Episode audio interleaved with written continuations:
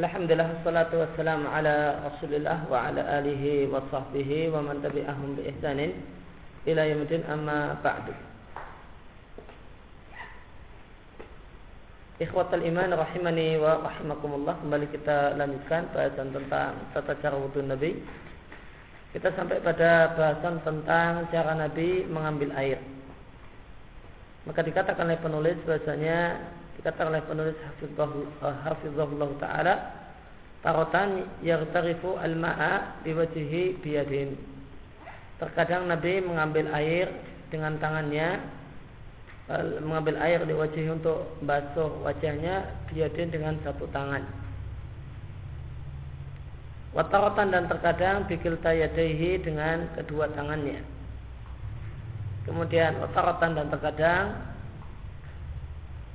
yang tarifu Nabi mengambil air biada dengan satu tangan wa yudifuha dan Nabi tambahkan pada tangan tersebut.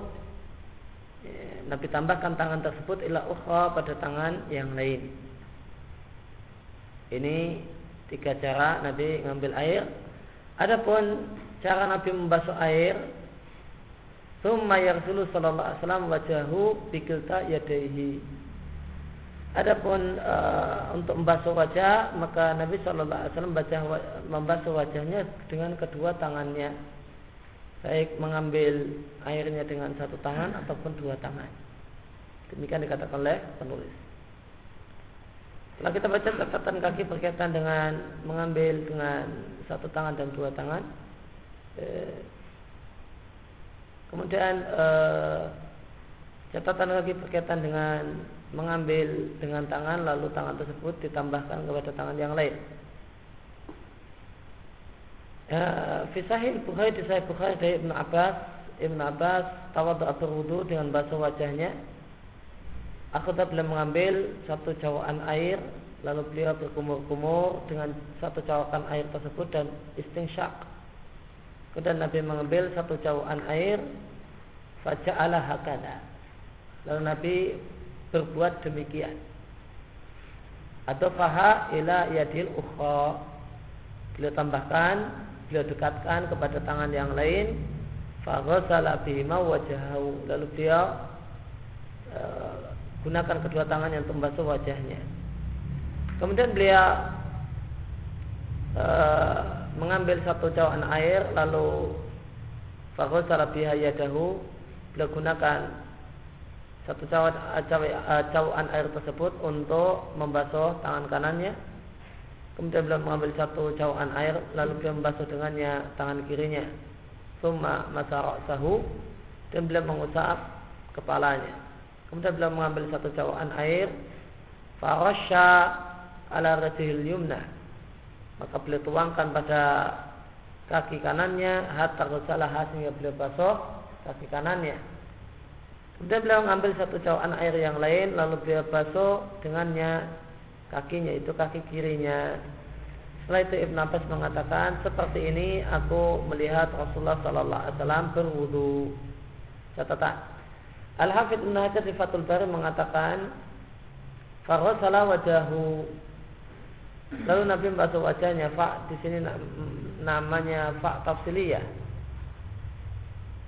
apa itu fa tafsiliyah? Itu adalah fa yang dakhilatun terletak di antara kalimat yang global dan kalimat yang rinci. Ada kalimat global, kemudian ada fa, kemudian kalimat merinci apa yang dimaksudkan oleh kalimat sebelumnya. Itu disebut fa tafsiliyah.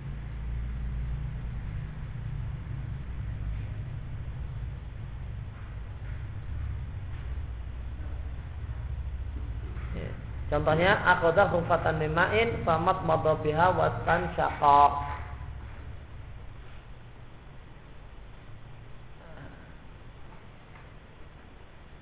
Ini adalah bayanul husli Ini adalah menjelaskan tentang masalah membasuh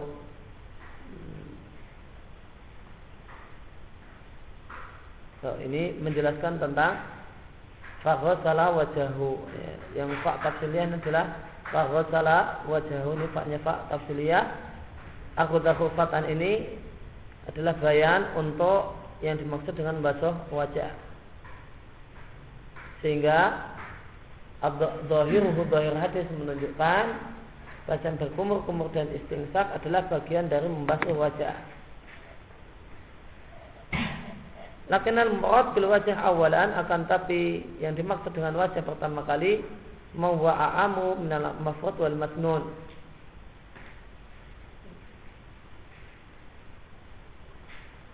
Lebih luas daripada uh, hal yang diwajibkan dan yang disunahkan. Buktinya annahu a'ada dzikrahu sanian ya perawi menyebutkan e, kata-kata wajah sanian untuk dua kalinya setelah membasuh, e, setelah menyebutkan berkumur-kumur dan, dan istingsak dengan cawuan tersendiri.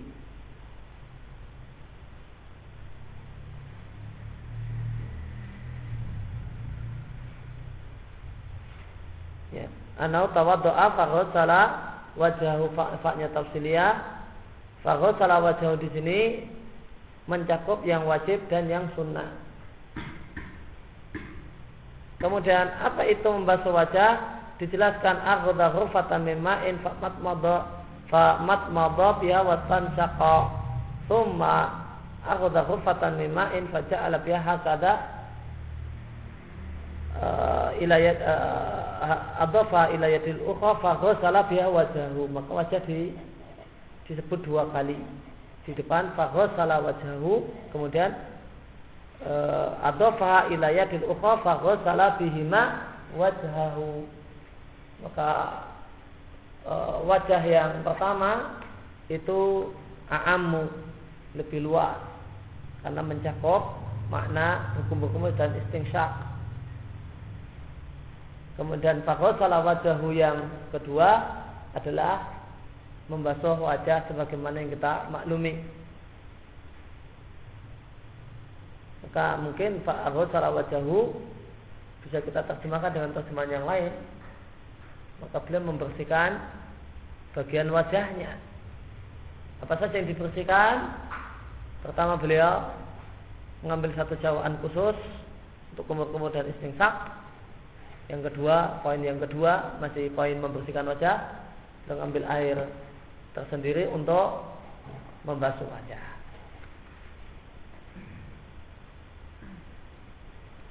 Anawi di Muslim mengatakan maka hadis-hadis ini di satu riwayat mengatakan Nabi mengambil air dengan yadahu satu tangannya. Di riwayat yang lain dua tangannya. Di riwayat yang lain satu tangannya kemudian beliau tambahkan ya, tangan yang lain kepada tangan tersebut. Maka hadis-hadis ini dalil bolehnya tiga hal di atas. Dan biasanya tiga-tiganya adalah sunnah Nabi. Uh, dan kita kompromikan hadis-hadis di atas dengan kita katakan bahasanya Nabi Shallallahu Alaihi Wasallam melakukan hal seperti itu marat berkali-kali satu kali model A satu kali model B satu kali model C dan tentang cara mengambil air ini, ia salah satu aujuhin li ashabina. Ashabina itu siapa? Syafi'iyah memiliki tiga pendapat tentang bagaimanakah cara mengambil air untuk membasuh wajah.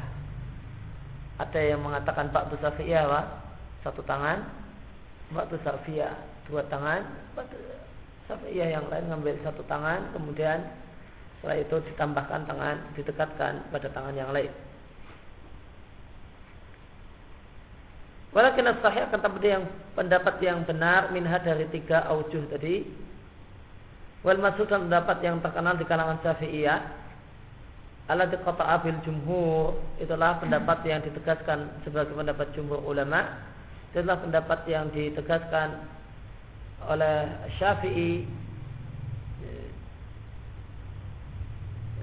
fi Buaiti wal Muzani uh, sebagaimana fatwa Imam Syafi'i yang di, diceritakan oleh Buaiti dan Al Muzani. Ana mustahab uh, dan keduanya adalah murid dekat Imam Syafi'i. Ana mustahab bahasanya yang dianjurkan adalah mengambil air untuk wajah dengan dua tangan dua-duanya. Alasannya Imam Syafi'i li'annahu ashal itu yang lebih mudah bagi orang yang berwudu wa akrab ila isbab dan e, dengan cara mengambil air dengan dua tangan bisa lebih sempurna dalam membasuh wajah. Wallahu a'lam. Kemudian ashabuna para ulama Syafi'iyah mengatakan dianjurkan memulai membasuh membasuh wajah adalah dari arah atas. Membasuh wajah uh, kalau dilihat ayatnya bebas mau dari sini kita naik ke atas, dari atas ke bawah, begini atau begini. Tidak ada penjelasan detailnya namun uh, Syafi'iyah mengatakan dianjurkan memulai dari arah atas ya, likaunihi asraf karena uh, karena bagian atas itulah anggota wajah yang paling mulia alasan yang kedua dia anak asraf ilal isti'ab karena jika orang membasuh wajah mulai dari atas maka kemungkinan besar dia bisa maksimal untuk isti'ab menyampaikan air ke semua bagian wajah.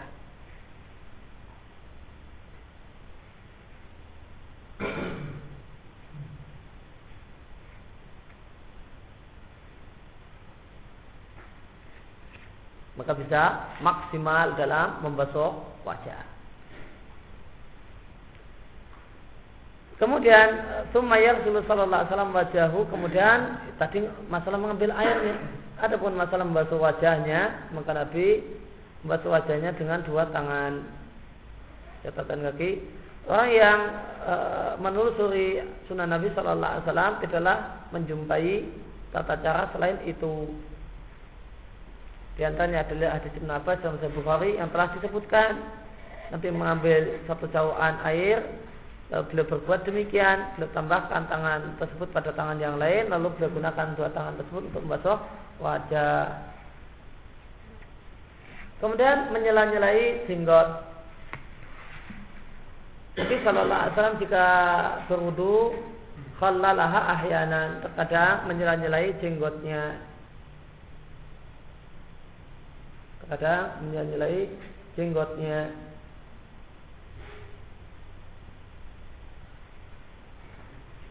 Dan dia adalah kafir sya'ri lihyati dan beliau adalah seorang yang banyak rambut jenggotnya. Memiliki rambut jenggot yang lebat.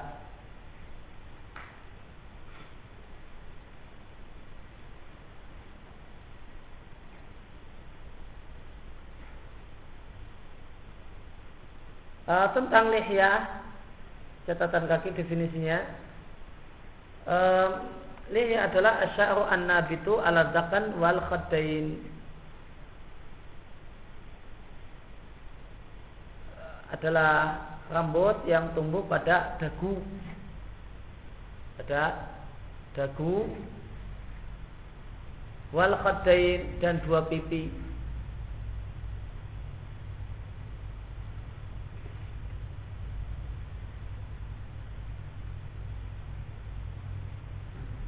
jamaknya liha bisa dengan lamnya di domah luha atau liha lamnya di kasrah dan lamnya di kasrah itu yang lebih fasih.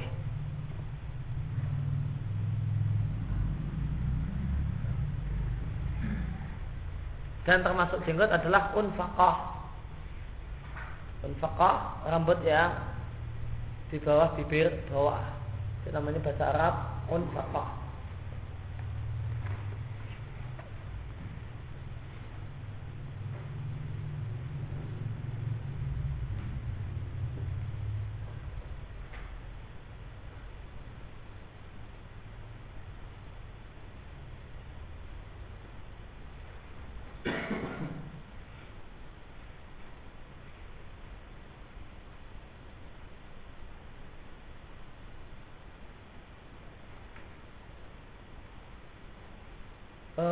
Ada video bagus nih uh, rekaman sesaat sasri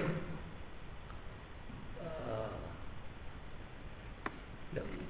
dengan topik bahasan uh, Sunanul Fitrah dia punya banyak video rekaman di internet.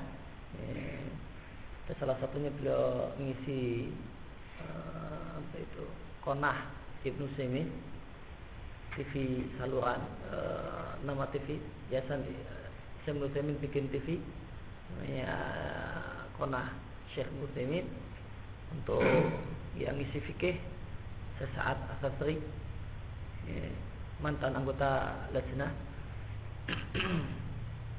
uh, ada video tentang masalah bahasa tentang sunan fitrah uh, beliau sampaikan bahasanya untuk definisi lihyah itu ada khilaf di antara uh, di antara pakar bahasa Arab. Takrif lihyah ada khilaf. Di antara pakar bahasa Arab apakah khadain disampaikan khadain itu termasuk lihyah atau bukan rambut tumbuh yang di sini sebagian orang ini ya tumbuh rambut. Nah ini apakah uh, itu termasuk lihyah sampai ada khilaf tentang definisi uh, lihyah terus rambut yang ada di sini uh, bukan di sini namun di sini uh, di apa? Apa namanya kita sebut apa bawah dagu apa ya? uh, sini. Apa namanya kita nyebut apa bahasa Indonesia ini?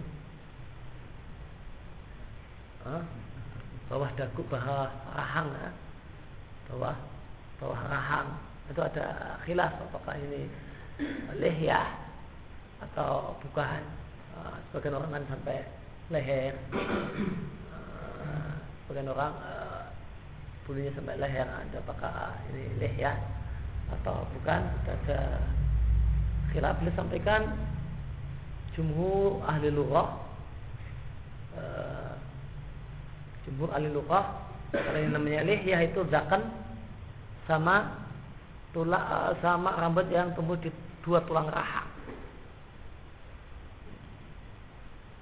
Jumhur ahli lughah kata, kata beliau. Jadi khadain tidak termasuk.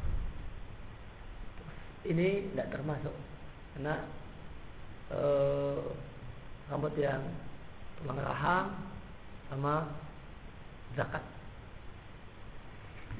Keterangan bagus ya, untuk didengarkan dan disimak ya, sesaat asas terik tentang lehyah.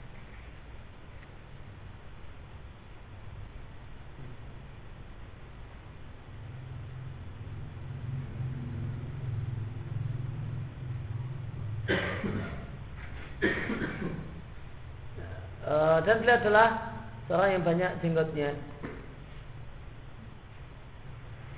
Berdasarkan hadis Abu Mama diatkan oleh Ibn Abi Syaibah, Nabi berwudu tiga kali tiga kali dan beliau menyala-nyala jenggotnya dan e, beliau mengatakan aku melihat Rasulullah Sallallahu Alaihi Wasallam melakukannya. Ya, Abu Mama berwudu tiga tiga dan menyala-nyalai jenggotnya. Dilihat Hasan oleh Syekh Mukbil. Dan di sini juga punya banyak penguat dari Aisyah, eh, diatkan Imam Ahmad dari ibunda Aisyah Aisyah mengatakan Rasulullah Sallallahu Alaihi Wasallam jika berwudu menyala-nyalai jenggotnya dengan air. Ibnu Hajar di Talkhis mengatakan sanadnya hasan. Dan dia telah termedi Ibnu Majah Al Hakim dari Utsman bin Affan. Utsman mengatakan Nabi Sallallahu Alaihi Wasallam menyala-nyalai jenggotnya. Di sanadnya ada orang bernama Amir bin Syakir dan dia adalah lainul hadis eh, lembek hadisnya sebagaimana ditakrib sedangkan para yang lain cepat At-Tirmidzi mengatakan waqala fi hadza aktsar ahli ilmi. E, kandungan hadis ini adalah pendapat mayoritas ulama sejak ulama di masa Nabi sallallahu alaihi wasallam dan setelah mereka atau mereka berpandangan masroknya menyelai jenggot. Ini adalah pendapatnya Syafi'i. Imam Ahmad mengatakan seandainya lupa nyela-nyelai jenggot, wajah maka itu boleh, tidak perlu ulang wudhu.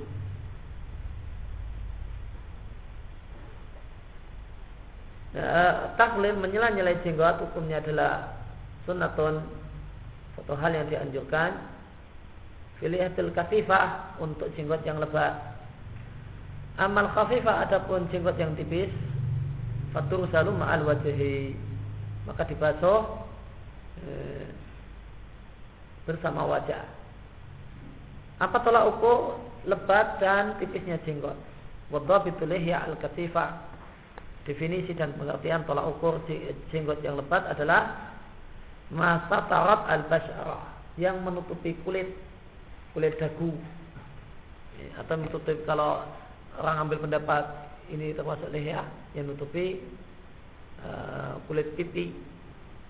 Anin nazir dari orang yang uh, melihat fi majelis takhattub ketika sedang duduk ngobrol. Duduk ngobrol ya, berhadap-hadapan. Eh, bisa terlihat kulit orang yang berjenggot tadi ataukah tidak? Jika tidak terlihat maka berarti lebat. Jika terlihat wal khafifah bi khilafi kalau yang tipis maka yang tidak seperti tadi. Faedah di kitab Al-Hilal karya Ibnu Abi Hatim uh, beliau mengatakan kalau Abdullah bin Ahmad an abihi dari ayahnya itu Imam Ahmad. Imam Ahmad mengatakan laisa fi lihyati syai'un. Tidak ada satu pun hadis tentang menyela-nyela jenggot Ibnu Abi Hatim mengatakan mengutip, uh, mengutip dari bapaknya Abu Hatim. Abu Hatim mengatakan layat but tidak terdapat riwayat yang valid. Maksudnya sahih atau hasan. Dari Nabi Shallallahu Alaihi Wasallam tentang masalah mencelai nyelai jenggot syai'un satupun hadis. Saukani di Salul Jarrah menanggapi kutipan di atas mengatakan perkataan tadi tepat tibar kalau melihat bak dituruk sebagian sanatnya Adapun dengan melihat keseluruhan sanad maka perkataan di atas tidak tepat. Telah terdapat hujah berdasarkan penilaian sahih dari ulama yang menilainya sahih dan penilaian hasan dari ulama yang menilainya hasan sebagaimana telah telah kami sebutkan. Dan kaidah mengatakan man alima hujatun ala man lam ya'lam. Orang yang mengetahui e, perkataan yang jadi hujah atas orang yang tidak tahu.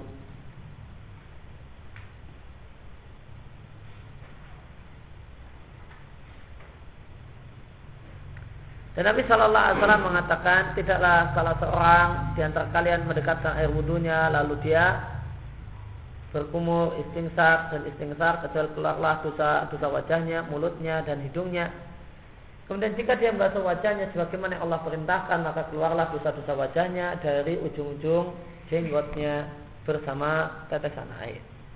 Dikatakan oleh Muslim dari Amr bin Abbasah. Kemudian membasuh dua tangan sampai siku.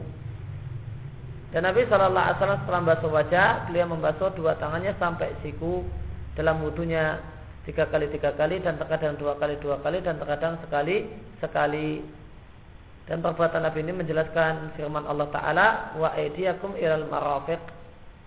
Dan tangan-tangan kalian sampai siku.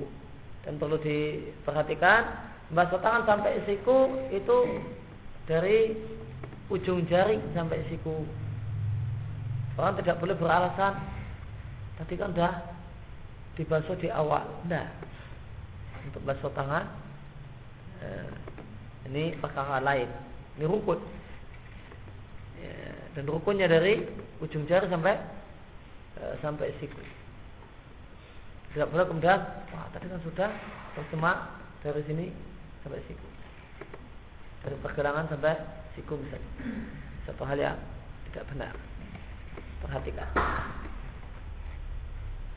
Dan Nabi Shallallahu Alaihi Wasallam memotivasi dan mendorong umatnya untuk melakukan hal tersebut dengan mengatakan tidak ada di antara satu kalian yang mendekatkan air wudhunya lalu basuh tangannya sampai siku kecuali keluarlah dosa tangannya dari uh, anamil dari was-was dari bersama tetesan air. Dan Nabi Shallallahu Alaihi Wasallam juga mengatakan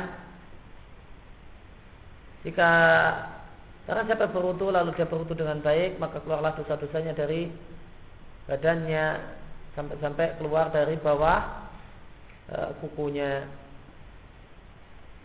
Demikian juga Nabi mengatakan jika seorang hamba muslim atau seorang mukmin berwudu, maka jika dia membasuh dua tangannya keluarlah dari kedua tangannya semua dosa. Kanat batasyatha ya yadahu yang dilakukan oleh dua tangannya keluar bersama air atau bersama tetesan air yang terakhir. Tentang masalah siku di catatan kaki nomor dua, mirfak, mimnya di kasrah, faknya di fatkah. Definisinya adalah al-azam an-nabi'u, tulang yang menonjol di akhir zira di ujung atau di pangkal hasta.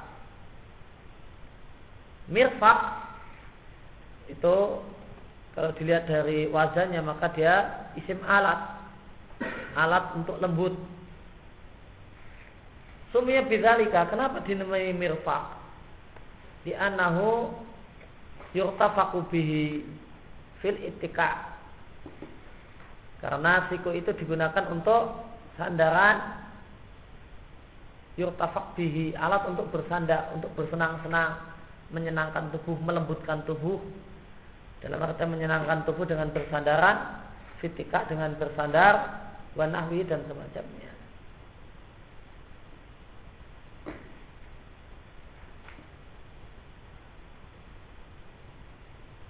Nah, perlu diketahui bahasanya hobi orang Saudi dan yang lainnya itu punya ya apa uh, ya, punya semacam ya apa kotak.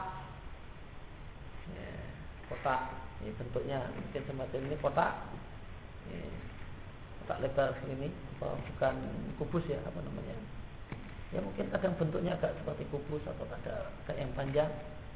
Dari isinya dari apa uh, yang agak itu kubus toh. Uh, isinya apa yang putih-putih bundar-bundar itu. Ya tahu lah pokoknya itu lembut. Ya orang Saudi biasa untuk sandaran taruh di belakang dan sandaran di sini. Dan itu lebih berat kalau sampai safar aja bawa itu. Karena tahu di sana tidak ada maka dia di rumah mau ke Indonesia. Itu salah satu di cover itu bawa itu. Karena di Indonesia tidak ada kayak gitu. Bukan tradisinya.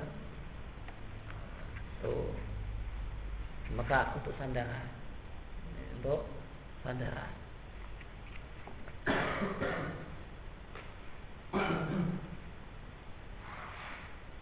Anawi di Al-Majam mengatakan membasuh dua tangan adalah satu hal yang wajib berdasarkan dari Quran dan Sunnah dan Ijma. Nukilan Ijma juga disampaikan oleh Ibnu Qudamah di Murni dan ulama yang lain. Kemudian Nabi Shallallahu Alaihi Wasallam menyukai tayamuna mendahulukan yang kanan dalam wudhunya dan beliau berupaya melakukan hal tersebut mas papa semaksimal yang bisa beliau lakukan. Fayabda'u lalu Nabi pun memulai uh, Firusli ketika beliau membasuh dua tangannya. Beliau mulai yang kanan kemudian yang kiri. Kanan dulu tiga kali baru kiri. Ya, tidak sebagaimana banyak orang tempat kita kanan kiri kanan kiri kanan kiri. Namun kanan dulu tiga kali baru kiri tiga kali kita catatan kaki. Dari uh, dia karena berat dan Muslim dari Aisyah radhiallahu anha, Aisyah mengatakan karena Nabi Shallallahu alaihi wasallam tayamun menyukai mendolokkan kanan ketika pakai sandal, ketika bersisir karena Nabi belahan maka Nabi sisir dulu belahan kanan. Watuhu dan berwudu. Wa fi kullihi dan dalam semua urusannya yang baik-baik. Dalam satu riwayat itu kurang mau ya. Wa fi riwayatin lil Bukhari. Wa fi riwayatin kurang mau. Uh, redaksinya yujibu tayamunu mastata' menyukai mendahulukan yang kanan semaksimal yang bisa beliau lakukan. Wa fi riwayatin lahu juga dalam riwayat Bukhari yang lain mastata' semaksimal yang bisa beliau lakukan untuk ketika bersisir dan berwudu. Ibn Abdul Bar Al-Maliki dalam Tamhid mengatakan Para ulama sepakat bahasanya yang, ter, yang paling utama dalam basuh tangan kanan sebelum tangan kiri. Demikian juga mereka sepakat siapa yang membasuh tangan kiri sebelum kanannya maka tidak ada kewajiban untuk mengulangi wudhu. Artinya wudhunya sah, artinya mendahulukan kanan itu hukumnya sunnah, dan tidak wajib. Anawi di al-majmu' menegaskan mendahulukan yang kanan daripada kiri hukumnya sunnah dengan sepakat ulama dan tidak wajib juga dengan sepakat ulama. Ibnu Mungdir mengatakan ulama sepakat kalau tidak ada pengulangan wudhu bagi orang yang memulai dengan mendahulukan yang kiri. Dan ijma tentang hal ini juga dinukil oleh ulama yang lain. Wahukia ulama yang lain selain Ibnu Mungdir. Dan diceritakan bahasanya Syiah berpendapat e, bahasanya mendahulukan yang kanan itu wajib. Akan tapi Syiah layu tadabihim fil ijma. Syiah itu pendapatnya tidaklah teranggap untuk menentukan ijma dan tidak. Tanbay Ibnu Kudama mengatakan kami tidak mengetahui fi adamil wujub khilafan adanya khilaf ulama tentang tidak wajibnya mendahulukan yang kanan. Kemudian catatan yang lain Anawi di Muslim mengatakan kemudian ketahuilah bahasanya ada di antara anggota wudhu yang tidak dianjurkan untuk didahulukan yang kanan yaitu dua telinga.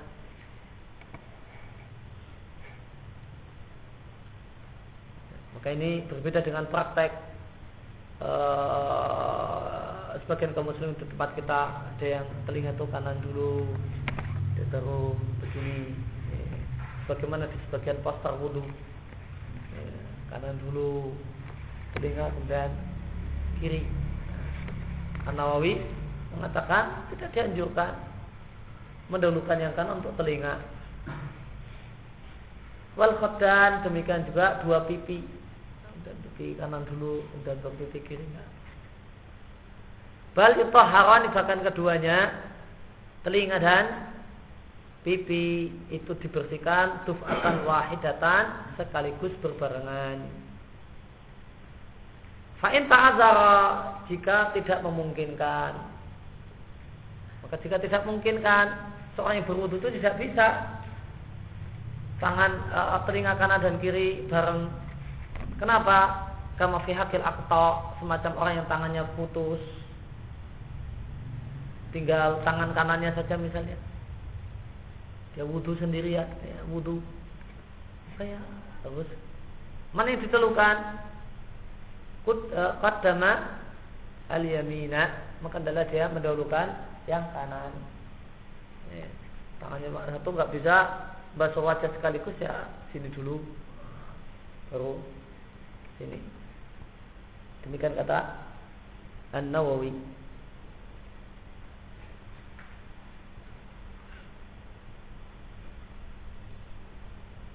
Kemudian beliau membasuh e, dari dua tangannya yang kanan dulu baru yang kiri. Dan ini dalam semua wudhu Nabi. Walam yasbut khilafuhu dan tidak terdapat dalil yang sah yang menyelisihinya. Bahkan ada Nabi Shallallahu Alaihi Wasallam jika membasuh dua tangannya maka beliau membasuh asro'a maka beliau masuk mulai masuk fil abad di lengan atas. Basuhannya itu air itu mulai masuk sedikit masuk di lengan mata. Artinya apa? Siku itu basah. Ya, siku itu tidak bisa basah dengan sempurna kecuali ya sedikit masuk ke lengan atas.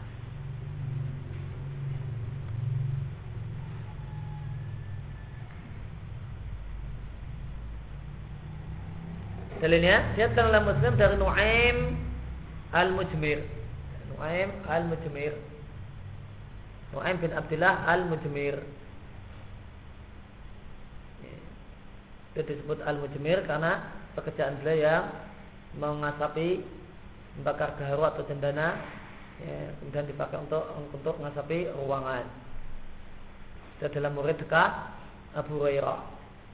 Aku melihat Abu Hurairah berwudu belum basuh wajahnya dan belum berwudu dengan sempurna kemudian belum basuh tangan kanannya sampai masuk sedikit masuk di lengan atas dan basuh tangan kirinya sehingga sedikit masuk di lengan atas kemudian mengusap kepala kemudian membasuh kaki kanannya sampai sedikit masuk di betis kemudian membasuh kaki kirinya sehingga sedikit masuk ke betis kemudian di air wudhu. Abu Hurairah mengatakan demikian aku melihat Rasulullah Sallallahu Alaihi Wasallam berwudhu.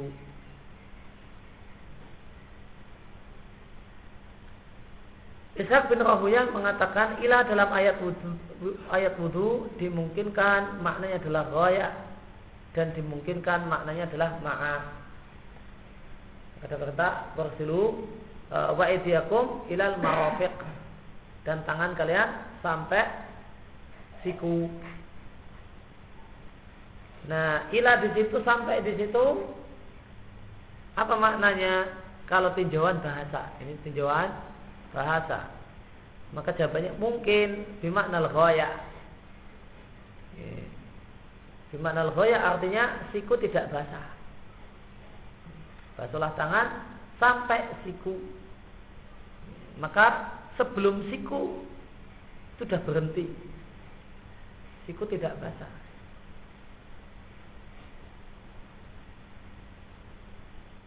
Atau bimakna ma'a. Ya, kalau ma'a berarti siku basah. nanti sunnah itu tujuan bahasa. Kemudian sunnah Nabi menjelaskan bahwasanya ilah di situ maknanya adalah ma'a. Sunnah Nabi yang mana? Hadis yang baru saja kita baca. Dia tanya sunnah Nabi yang mana? Hadis yang baru saja kita baca tadi. Hatta asra'a fil adad. Uh, kemudian ada kutipan yang menarik dari perkataan Al Imam di Al-Um mengatakan aku tidak mengetahui adanya ulama yang menyelisih tentang wajibnya basahnya dua siku ketika wudhu.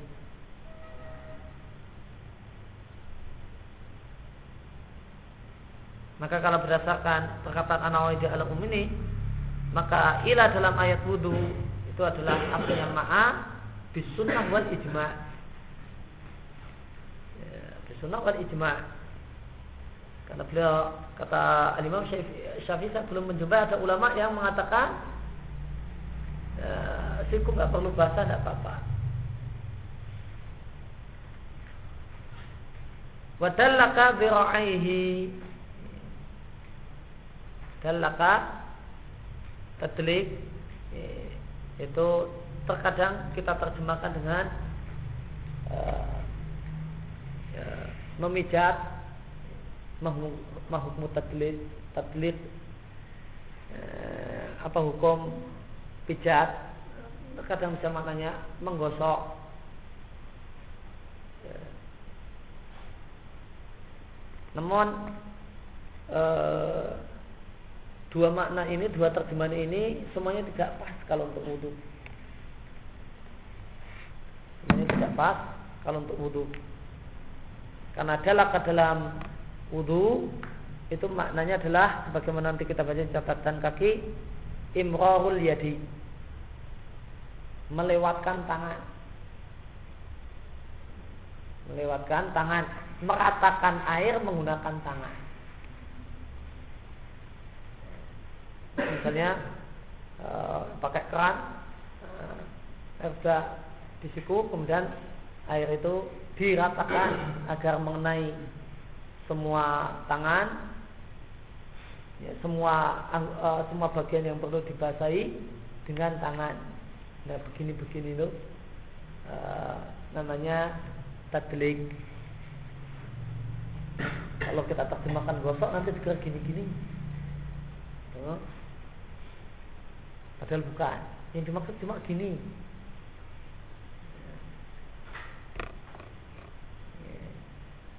Menyampaikan air ya, membantu agar air itu tersampaikan ke semua bagian yang perlu basah dalam wudhu demi tadlik. Wadallaka biro'aihi dan Nabi melakukan tadlik pada dua hastanya.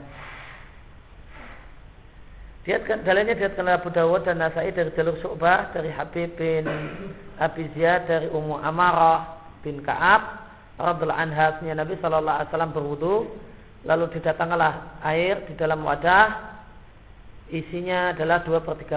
Syu'bah mengatakan Fa'afadul dan aku menghafal, aku pun menghafal. Bahasanya Nabi membasuh dua hastanya. Wajah Allah dan mulailah Nabi melakukan tadlik pada dua hastana, hastanya. Dan aku dan Nabi mengusap dua telinganya eh, bagian dalam dua telinga beliau dan aku tidak mengetahui dalil kalau Nabi mengusap bagian luar dua telinga beliau perkataan subah tabi'in Anawi di Al-Majid mengatakan wala yajibu imramul yadi alal wajhi. Tidaklah wajib imramul yadi. Nah, imramul yadi itu definisi dari tadlik. Melewatkan tangan. Maksudnya tadi meratakan air dengan bantuan tangan. Maka tadlik itu tidaklah wajib untuk wajah Tidak pula anggota wudhu yang lainnya. Dan tadlik tidaklah wajib fil wudhu dalam wudhu tidak pula dalam mandi cuma dianjurkan. Inilah pendapat inilah madhab syafi'i dan madhab jumhur ulama. Malik dan Al-Muzani muridnya Syafi'i mengatakan wajib. Kata penulis buku ini dan yang raja ada pendapat jumhur illa kecuali jika air tidaklah bisa sampai kecuali dengan tadlik maka tadlik menjadi wajib dalam kondisi ini karena dia sarana menuju uh, ter, uh, terwujudnya hal yang wajib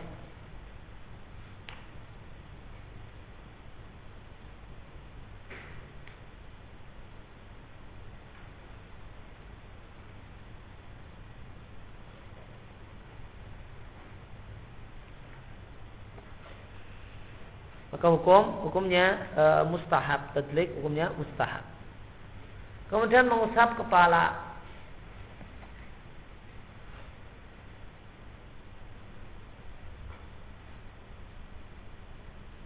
Hadurang definisi kepala.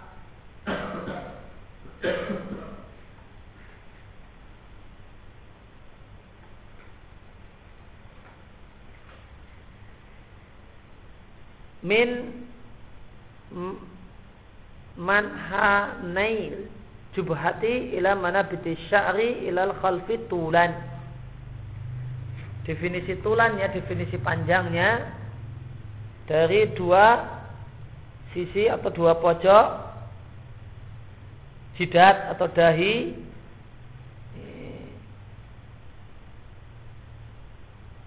Ke e, tempat tumbuhnya rambut terus ke belakang itulah panjangnya. Adapun lebarnya dari telinga sampai telinga ardon lebarnya. Nawawi dalam Al-Majid mengatakan mengusap kepala adalah wajib berdasarkan dari Quran, Sunnah dan Ijma. Nukulan Ijma juga disampaikan oleh Ibn Abdul Bar dalam Tamhid dan Ibn Qudamah dalam Al-Mughni.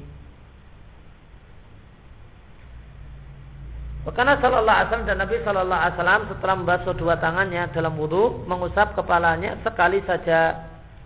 La tidak pernah lebih dari sekali. Baik bila berwudunya cuma sekali-sekali ataupun dua kali dua kali ataupun tiga kali tiga kali. Meskipun dia wudhunya tiga-tiga untuk kepala tetap sekali.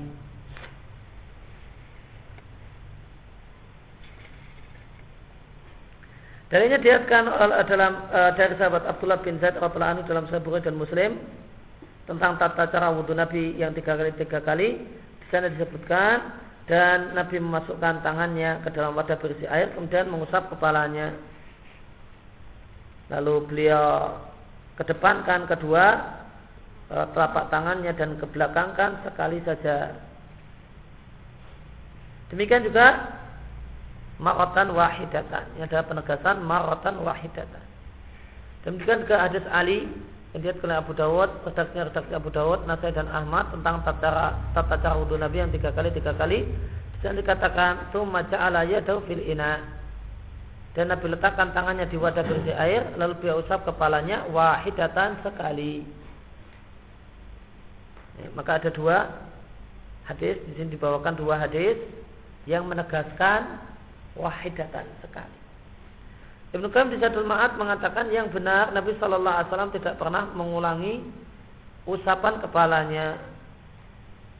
Bahkan Nabi Shallallahu Alaihi Wasallam meskipun mengulang-ulang usapan anggota wudhu yang lain, afroda menunggalkan usapan kepalanya. Cuma tunggal saja sekali saja. Hak kata demikian jaa terdapat riwayat anhu dari Nabi sarihan dengan tegas Walam yasu anhu khilafuhu al-battata dan sama sekali tidaklah sahih riwayat yang menyelisihi keterangan di atas. Bal ma'ada adapun riwayat selain ini ada dua kemungkinan sahih namun tidak tegas atau tegas namun tidak sahih.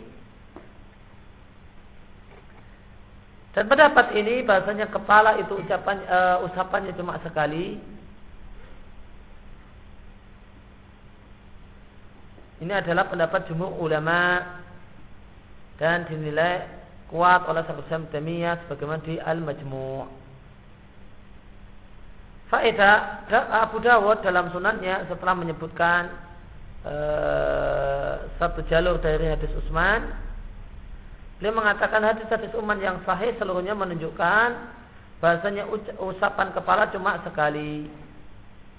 Dan pastinya mereka para sahabat ketika mereka menyebutkan Nabi berwudu tiga kali, kalau fiha mereka berkata dalam hadis-hadis tersebut dan Nabi mengusap kepalanya tanpa menyebutkan bilangan sebagaimana padahal mereka menyebutkan bilangan untuk selain kepala maka sikap hal ini mengisyaratkan meskipun tidak tidak sharih mengisyaratkan kalau kepala sekali. Adapun yang riwayat yang sharih dikatakan kepala sekali tadi ada dua riwayat. Riwayat Abdullah bin Zaid sama riwayat Ali. Dan ada yang menguatkan namun dalam bentuk isyarat ketika menceritakan ini tangan tiga kali wajah tiga kali kok ketika nyebut kepala tanpa nyebut bilangan Bayhaqi dalam Sunan Al-Kubra, Bayhaqi Asy-Syafi'i mengatakan dalam Sunan Al-Kubra Ruya min wujuhin gharibatin. Diriwayatkan dari melalui sanat yang gharib. Dari Utsman dan sana dikatakan Nabi mengusap kepala tiga kali. Maka perlu diketahui terdapat dalam salah satu jalur hadis Utsman yang menceritakan tentang tata cara, wudhu Nabi, hadis Humron Mola Usman yang menceritakan tata cara wudhu Nabi yang dipraktekkan oleh Usman terdapat satu sanad satu riwayat atau beberapa riwayat wujuhin beberapa sanad yang mengatakan kalau Nabi mengusap kepalanya tiga kali illa akan tetapi riwayat ini di samping khilaful khufat asiqat menyelisihi para jago-jago hafalan dan para perawi yang siqah berarti apa? san laisat bihujatin bukanlah tidaklah bisa menjadi hujat inda anil ma'rifat menurut para orang-orang yang berilmu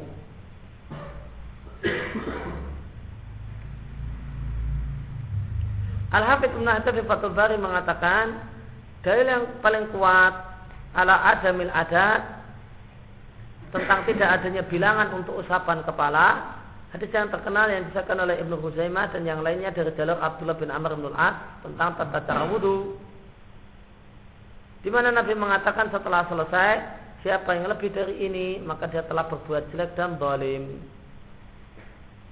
kemudian Wafi riwayati Sa'id dalam riwayat Sa'id bin Mansur di sana terdapat penegasan kalau Nabi mengusap kepalanya sekali saja maka menunjukkan bahasanya tambahan untuk mengusap kepala lebih dari sekali tidak dianjurkan. Lalu bagaimana dengan riwayat yang menunjukkan tiga kali? Wayuhmal kita tafsirkan mawarat minal hadis ya, uh, hadis uh, yang berisi taflisil mashi usapan kepala itu tiga kali in sahat ya. Al-Hafidh mengatakan seandainya sahih maka kita melakukan jamak ya, jamaknya mengatakan yang dimaksud dengan tiga kali di sini adalah keinginan untuk isti'ab keinginan untuk agar menyeluruh semua bagian kepala terkena Bukannya itu usapan, usapan beberapa usapan e, tersendiri untuk semua kepala.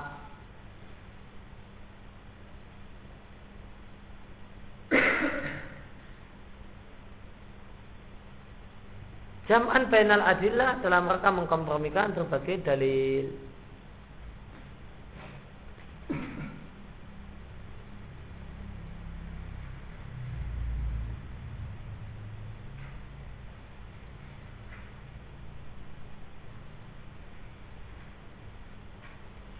Maka e, di sini terdapat pembahasan tentang e, apakah boleh mengusap kepala lebih dari sekali.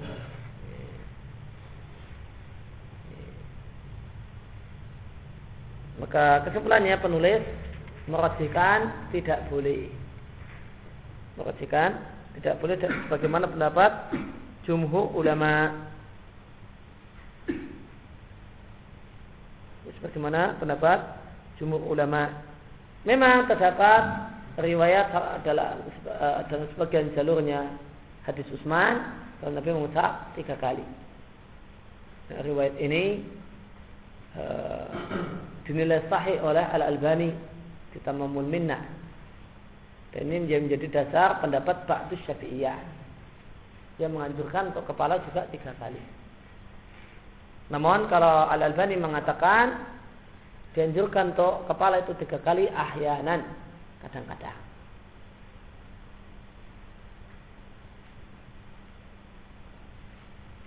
Namun yang e, dipilih di sini namun hadis ini nampaknya hadis yang tegas mengatakan itu tiga kali dinilai daif oleh Ibnu Qayyim karena beliau mengatakan yang sahih itu gairu sahih. Yang tegas itu jelas-jelas tidak sahih. Kemudian di sini dinilai sah oleh Baihaqi Asy-Syafi'i. Ibnu Hajar yang juga Asy-Syafi'i mengatakan in sahha. Status hadisnya beliau seandainya sahih. Dan seandainya sahih pun makna tiga kali di sini cuma maknanya adalah isti'ab. Keinginan Nabi untuk agar semua uh, rambut kepala itu terkena usapan.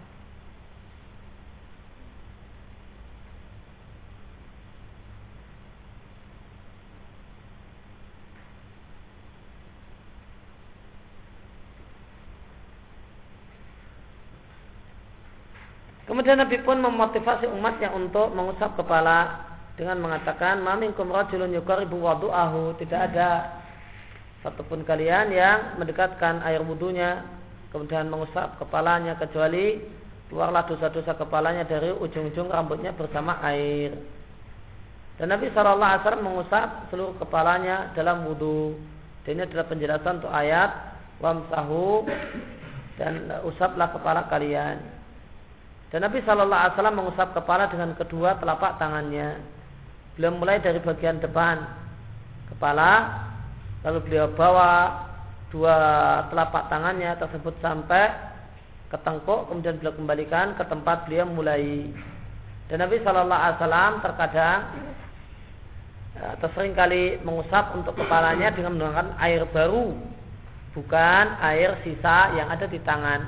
Namun wataratan terkadang Nabi mengusap kepala dengan sisa air-air sisa yang masih melekat, mele, uh, melekat di kedua telapak tangan.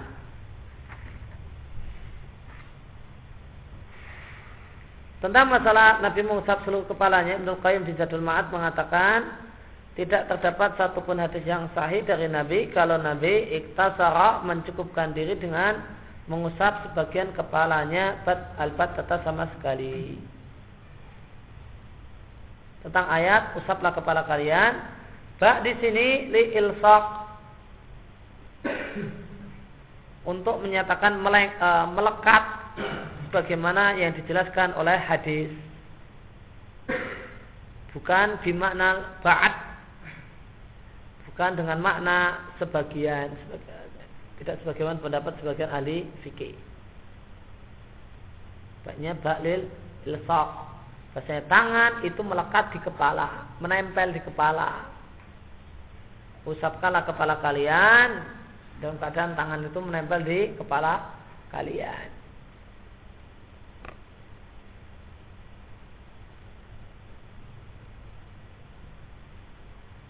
Dan di antara yang menjelaskan bahasanya bak di sini adalah li ilfaq ya, yang memilih pendapatnya adalah Syekh Islam Taimiyah bagaimana di Majmu' Fatawa dan Syekh Ibnu Taimiyah di Syarah Mumti.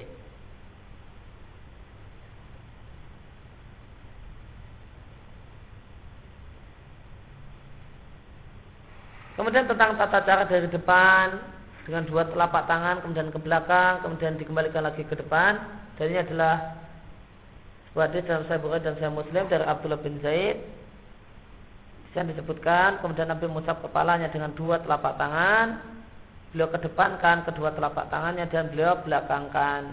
Beliau mulai bagian depan kepalanya lalu beliau bawa pergi sampai ke tengkuk kemudian beliau kembalikan ke tempat beliau mulai. Takut dan bitulihi fi adat maratil wudu. Telah disebutkan di sini secara lengkap secara utuh ketika kita bahas bilangan wudu di antara ulama berpendapat wajib mengusap pada semua kepala. Adalah Malik, Ahmad dan Al-Muzani. Menurut pendapat yang masyhur dari mereka-mereka. Pendapat Imam Malik yang masyhur, pendapat Imam Ahmad yang masyhur, pendapat Muzani yang masyhur itu wajib mengusap seluruh kepala. Jadi ada pendapat Bukhari dan dinilai kuat oleh Syekhul Islam Ibnu Taimiyah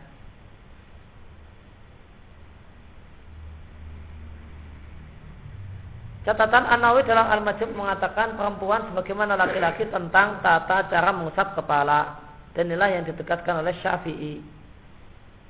Dan dinukil oleh Bukhari merupakan pendapat Ibnu Musayyid.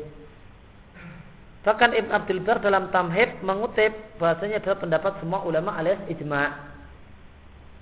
Ibn Abdul Bar menyatakan ijma'nya e, masalah ini. Bahasanya e, tata cara mengusap kepala untuk laki-laki dan perempuan sama saja.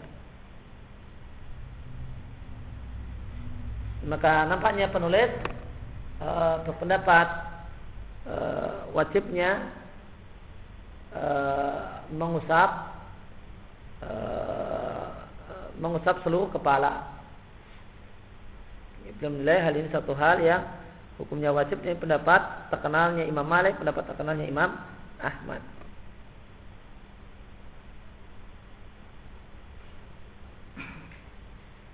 Namun insya Allah pendapat yang lebih tepat dalam hal ini mengusap sebagian kepala itu mencukupi.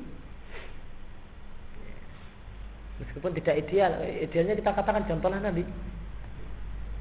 Nabi gimana? Ya, di depan, belakang, kemudian kembali. Namun kita kalau bicara hukum cukup enggak sah tidak kalau sebagian kepala. Ya, maka yang insya Allah adalah cukup dan sah. Dalilnya adalah uh, pendapat sahabat Ibnu Umar. Ibnu Umar mengusap uh, rambut kepala cuma sebagian saja. Dan ada seorang sahabat yang lain, ada dua orang sahabat, Ibnu Umar dan yang lainnya dan e, Ibnu Hazm mengatakan di Al-Muhalla dan aku tidak menjumpai sahabat lain yang menyelisihinya. Tidak ada sahabat lain, tidak ada satupun sahabat yang mengingkari perbuatan Ibnu Umar yang mengusap sebagian kepala ketika berwudu.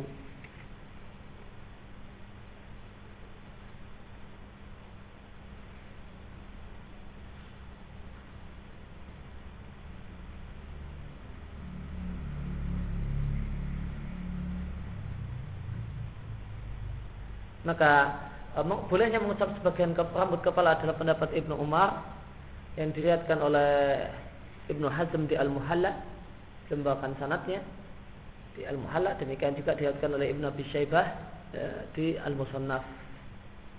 Dan tidak dijumpai ulama yang menyelisihinya.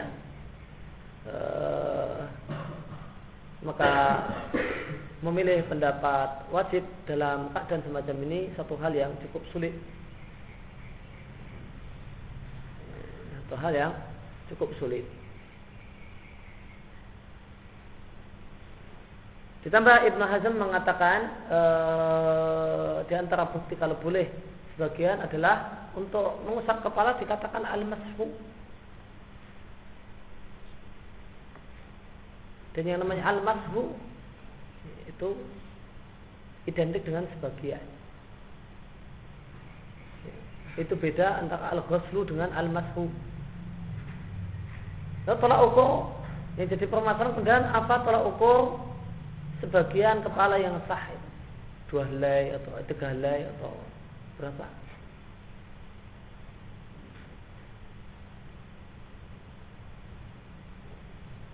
Maka Ibnu Hazm menyampaikan di Al-Muhalla bahasanya tolak ukurnya adalah manakala dengan hal tersebut orang itu bisa dikatakan telah mengusap sebagian kepalanya.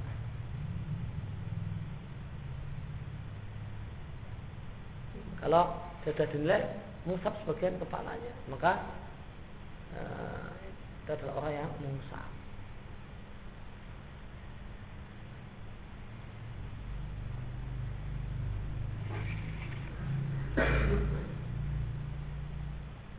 Kemudian tentang air yang dipakai, maka tadi ada dua dua kemungkinan. Yang pertama adalah air baru, bukan sisa basa-basa yang ada di tangan.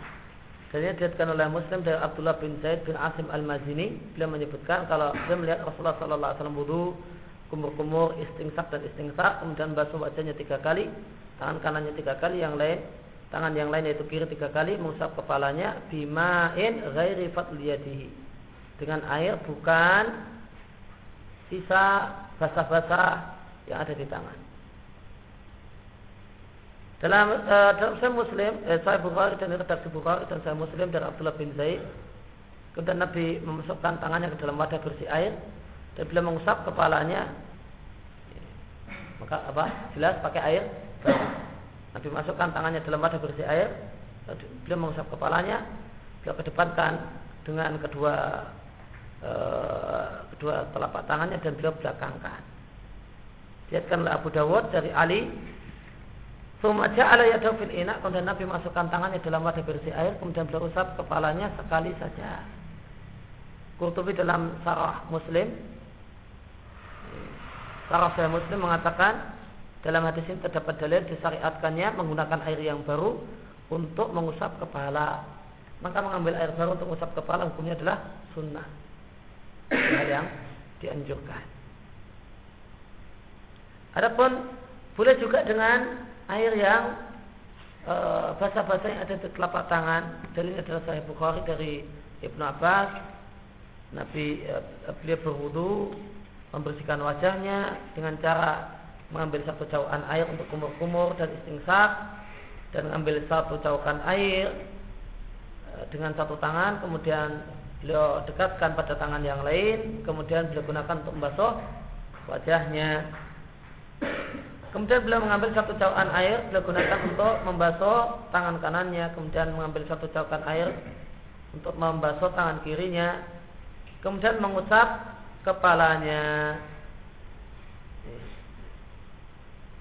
Ini, beliau e, membasuh tangan kirinya, kemudian mengusap kepalanya tanpa diceritakan kalau beliau ngambil air. Maka zahirnya, kemungkinan besarnya tidak tegas ya e, maka berakhirnya berarti itu pakai bahasa-bahasa yang ada di tangan. Karena tidak disebutkan ngambil air. Kemudian beliau ngambil satu caukan dengan air beliau tuangkan pada e, kaki kanannya sehingga membasuhnya. Kemudian ngambil satu caukan air untuk membasuh kakinya itu kaki kirinya. Kemudian Ibnu Abbas mengatakan demikian aku melihat Nabi berwudu. Sisi pendalilan Zahir hadis Nabi Shallallahu Alaihi Wasallam di dalam masukkan tangannya ke dalam wadah untuk mengambil air baru ketika mau mengusap kepala. Namun Nabi mencukupkan diri dengan mabakia apa yang tersisa berupa basah-basah di dua telapak tangan beliau. Maka zahirnya pak tidak ngambil air baru berarti pakai basah-basah yang ada di tangan. Demikian yang kita baca kesempatan sore hari ini. Wassalamualaikum نبينا محمد وعلى آله وصحبه وسلم وتوانا الحمد لله رب العالمين سبحانك اللهم وبحمدك أشهد أن لا إله إلا أنت أستغفرك وأتوب إليك